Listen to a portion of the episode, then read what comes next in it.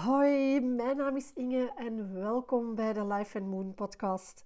In deze podcast deel ik een groot stuk van mijn eigen verhaal en mijn eigen ervaringen en hoe ik mijn intuïtie en gaves probeer een plaats te geven in mijn dagdagelijkse leven. Maar ik probeer ook ervaringen en inspirerende verhalen van anderen te delen. Ik wil jullie helpen in de eerste instantie om meer connectie te maken met jezelf en om een leven te leiden vol voldoening, plezier en liefde in diepe connectie met jezelf en met de prachtige wereld rondom ons. Veel luisterplezier. In deze aflevering wil ik jullie het verhaal vertellen van mijn mama. Het verhaal van mijn mama is heel bijzonder, um, omdat het uh, een, een, mijn grootste trauma is geweest uh, van kinds af aan.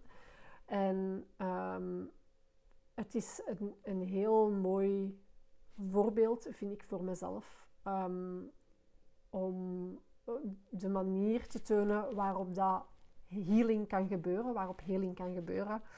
Uh, dat het niet alleen gaat over uw, wat er in uw hoofd gebeurt, in uw hersenen, maar ook uh, healing vanuit uw hart en ook healing op een energetisch niveau. Dus ik was elf toen mijn mama gestorven is. Um, maar ons verhaal begint natuurlijk al uh, lang voordien. Hè. Mijn mama was een vrouw met uh, dromen, met humor. Uh, maar dromen die ze niet heeft mogen najagen. van kinds af aan is zij ook als vrouw in een bepaalde rol geduwd, waar dat ze zich niet goed bij voelde die ervoor gezorgd heeft dat ze eigenlijk heel haar leven gevochten heeft tegen mentale problemen. En daar ging ook een, uh, een serieus zwaar alcoholprobleem uh, mee gepaard, haar hele leven lang. Um, ze is daar dan ook aan gestorven toen dat ze, ik denk 46, 47 jaar was. Um, mijn ouders zijn gescheiden toen ik acht of negen was. Uh, en twee of drie jaar later is mijn mama dan gestorven. Dus ik had op dat moment al zeker uh, meer, of meer dan een jaar of twee jaar geen contact meer met haar. Um, dat schets ik even kort om te stellen. Uh, ik, ik heb daar heel begrijpelijk heel mijn jong leven, uh, met heel die situatie, met heel dat trauma, heel hard mee gevochten. Um, ik had als kind eigenlijk vooral ver weggeduwd. Ik had heel erg hard het gevoel dat ik sterk moest blijven. En dus ik deed alsof het mij allemaal niet kon schelen. Um, en ik denk ook, ik denk ook dat ik dat echt geloofde. Um, anderzijds herinner ik mij dat ik het uh, gevoel had alsof ik helemaal alleen op de wereld stond. Uh, toen dat mijn mama gestorven is. Uh, dat was allemaal heel dubbel.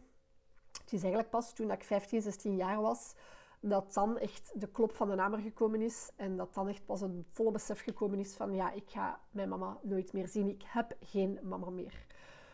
Uh, ik ga nooit vragen meer kunnen stellen aan mijn mama. Dat, waren zo de, het, dat was echt het besef dat toen naar boven gekomen is. Um, en ik heb het in die periode uh, heel zwaar gehad. Maar ik denk... Um, en ik denk eigenlijk dat toen pas het, het verwerkingsproces echt begonnen is. Um, het verwerkingsproces van wat dat er ja, in de jaren tot dan eigenlijk allemaal gebeurd is. Uh, het is ook in die periode dat ik ongeveer voor de eerste keer echt in contact gekomen ben met spiritualiteit en energiewerk. Um, mijn beste vriendin die uh, had toen, uh, shout out Femi, so much love to you, uh, die introduceerde mij aan Wicca. Um, en het voelde toen echt als thuiskomen voor mij. Ik, was echt, allee, ik had eindelijk het gevoel dat ik terug vaste grond, grond had onder mijn voeten. Um, en ik heb uh, in de jaren die volgden, uh, los van die Wicca en die spiritualiteit, heel veel verwerking gedaan. Um, in fases ook echt laag per laag, letterlijk. Verdriet, acceptatie, um, een nieuw evenwicht zoeken. Uh, ik ben toen ook uit elkaar gegaan met mijn toenmalige vriend. En ook daar weer een stap in het besef van oei, ja, die wonden van mijn mama, dat kwam toen ook terug naar boven. Van ja, ik, ik draag dat blijkbaar toch nog allemaal mee. Um, en blijkbaar heeft dat toch wel een hele zware impact op mij gehad. Uh, veel zwaarder als dat ik dacht dat ik, uh, dat ik besefte toen. Hè. Um, en uh, ja, dat was allemaal... Er waren allemaal verschillende fases... Waarbij ik merkte dat dat, dat dat allemaal toch wel nog veel dieper zat als dat ik dacht. Ook al had ik toen al eigenlijk um, een aantal jaren uh, verwerking achter de rug. Um, en ik moet zeggen dat die spiritualiteit heeft mij echt wel, uh, heeft mij echt wel geholpen om daar voor mezelf terug hoop en licht uh, in te gaan zien. Um, het was echt ook toen dat ik uit elkaar gegaan ben uit die relatie, totdat die relatie uit elkaar gevallen is, ook echt vond ik, dat was, voelde ook als de stap veel dichter terug naar mezelf. Um, maar het was eigenlijk pas later pas in het begin van mijn uh, dertiger jaren dat ik eigenlijk een nieuwe fase inging in mijn verwerkingsproces. Uh, er zijn toen dingen naar boven gekomen die bij mij een emotie triggerden uh, die ik niet echt gewoon ben. En dat was boosheid. Um, er, zijn, er zijn toen, ik heb toen documenten gevonden uh, waar dat ik echt voelde, ik voelde die verlating terug. Ik voelde helemaal terug het, het, gevoel van alleen te staan, het gevoel dat, het allemaal, dat mijn mama het allemaal niet kon schelen, wat dat waarschijnlijk, allemaal, alleen wat waarschijnlijk niet waar was, maar in, in, in, het, uh, in, in de verslaving uh, ja, gebeurden er dingen die, die, ja, die gewoon heel, heel destructief waren. Um, en dan heb ik echt voor het eerst echt boosheid gevoeld. De boosheid op mijn mama, het gevoel dat ze mij in de steek had gelaten, het gevoel dat ze de alcohol boven mij gekozen heeft. Uh, of dat ze die had laten winnen, zal ik zeggen. Um, allee, ja, dat was weer een, volledig volgende fase in die verwerking. En dan ook dat afgesloten. Uh, ook daar weer, uh, die, die laag weer verwerkt. Of dat, allee, dat dacht ik toch.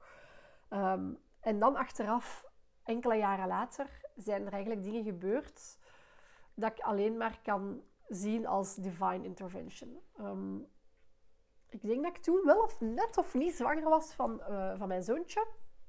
Uh, toen ik besliste om eindelijk mijn Reiki-cursus te doen. En nu, je moet weten, ik had eigenlijk al tien jaar geleden uh, van plan geweest om de Reiki-cursus te doen, om Reiki te gaan volgen en om, om Reiki te leren. Um, en ik had dat tien jaar geleden ervoor eigenlijk echt, echt op punt gestaan. En op een of andere manier is dat zo last minute afge, afge uh, hè, afgeketst. Um, dat is dan niet doorgegaan. En dan opeens, zoveel jaar later, uh, denk ik daar opeens terug aan. En als ik dan een Google search gedaan heb, zonder verwachtingen eigenlijk, en gewoon even checken van oké, ja, stel dat ik dat wil doen, dan merk ik dat er gewoon letterlijk achter mij een hoek uh, een reiki-cursus wordt gegeven, dat die uh, op het punt stond of juist begonnen was, ik weet niet meer juist. Maar alleen, ik bedoel, dat was echt... Ja, dat was gewoon divine intervention. Toeval bestond niet op zo'n manier. Um, en het is in, in dat proces, in het beginnen uh, reiki leren, uh, door die verschillende initiaties en alineaties met die energie, dat er echt ja, nog veel meer healing naar boven gekomen is. Nog veel diepere lagen uh, naar boven gekomen zijn om te verwerken. verwerken van mijn eigen verdriet, verwerken van mijn schuldgevoel, Um, opnieuw, altijd naar dieper. En in die periode kwam eigenlijk ook de figuur van aartsengel uh, Raphaël naar voren bij mij. En um, samen met uh, de uh, meester Saint-Germain. Nu, um, dat waren op zich figuren die ik... Allee, het is niet dat ik veel met engelen bezig ben of zo, totaal niet eigenlijk. en toch waren dat twee figuren die continu in mijn omgeving kwamen, waar ik over artikels over tegenkwam, waar dat ik die namen tegenkwam, dat, dat, dat, dat doe ik continu op in mijn, in mijn, in mijn, uh, in mijn veld. En um, als ik dan opzocht hè, wat, de, wat de, betekenis was, ja, dan was dat transmutatie, uh, uh, transformatie, verschuiving, heling, verwerking. dus ja, dat was vrij duidelijk Um, ja, ook daar weer, hè, geen, geen toeval. Um, en het belangrijkste, uh, en ik weet nog heel goed wat dat er, het belangrijkste wat dat er, wat dat er toen eigenlijk gebeurd is in die periode. Um, dat was op een uh, moment tijdens mijn laatste cursusdag met mijn Reiki-master. En ik weet nog heel goed, ze zei opeens... Inge, uw mama wil contact maken met u en ze wil u helpen, maar je laat haar niet toe. En oh my god, ik krijg hier terug tranen van. Ze zei toen, er zit nog zoveel boosheid in u, er zit nog zoveel boosheid in de weg, je moet dat loslaten. En mijn eerste reactie was van, wauw, nee, Allee, ik ben niet boos, dat is niet waar. Ehm, maar als ik eerlijk was, dan merkte ik dat dat wel waar was. En ik herinnerde mij ook de periode dan van waarop ik die kwaadheid had gevoeld, wat er toen allemaal is bovengekomen. En ja, dat was zwaar. Ik had dat toen niet losgelaten. En we hebben toen een hele mooie meditatie gedaan, waarbij dat we de navelstreng gevisualiseerd hebben en opnieuw hebben verbonden met elkaar. Dus de navelstreng vanuit mezelf naar mijn mama toe. Uh, en ik heb die, die meditatie in de dagen nadien nog verschillende keren opnieuw gedaan, want die was enorm, enorm, enorm krachtig. En ik merkte ook dat um, Allee, ik herinnerde mij ook dat ik als kind waarschijnlijk zodanig afstand heb genomen van mijn mama. Dat ik op een of andere manier, zonder het te beseffen, denk ik, energetisch ook afstand genomen heb. En dat daar ergens een soort van energetische navelstreng doorgeknipt is of zo. Ik weet het niet. Zo voelde het dan achteraf. En ik heb in de nagen, na die laatste cursusdag verschillende keren die meditatie van die navelstreng opnieuw gedaan. Loslaten van de boosheid opnieuw verwelkomen van mijn mama. En uh, dat is ook gepaard gegaan met nog hele mooie nieuwe inzichten over haar ziel en over de mijne en over hoe haar vroege vertrek uit mijn leven eigenlijk op zielsniveau onderling was afgesproken. Uh, en dat ze er nadien naar overgang terug zou zijn wanneer, dat ik, er, wanneer dat haar nodig had. Nu, mijn mama heeft zelf ook uh, een hele periode nodig gehad op energetisch vlak als uh, in, nadat ze de overgang had gemaakt naar de energetische wereld terug, uh, nadat ze gestorven is, heeft zij ook een periode nodig gehad om te bekomen van het leven dat ze geleid heeft.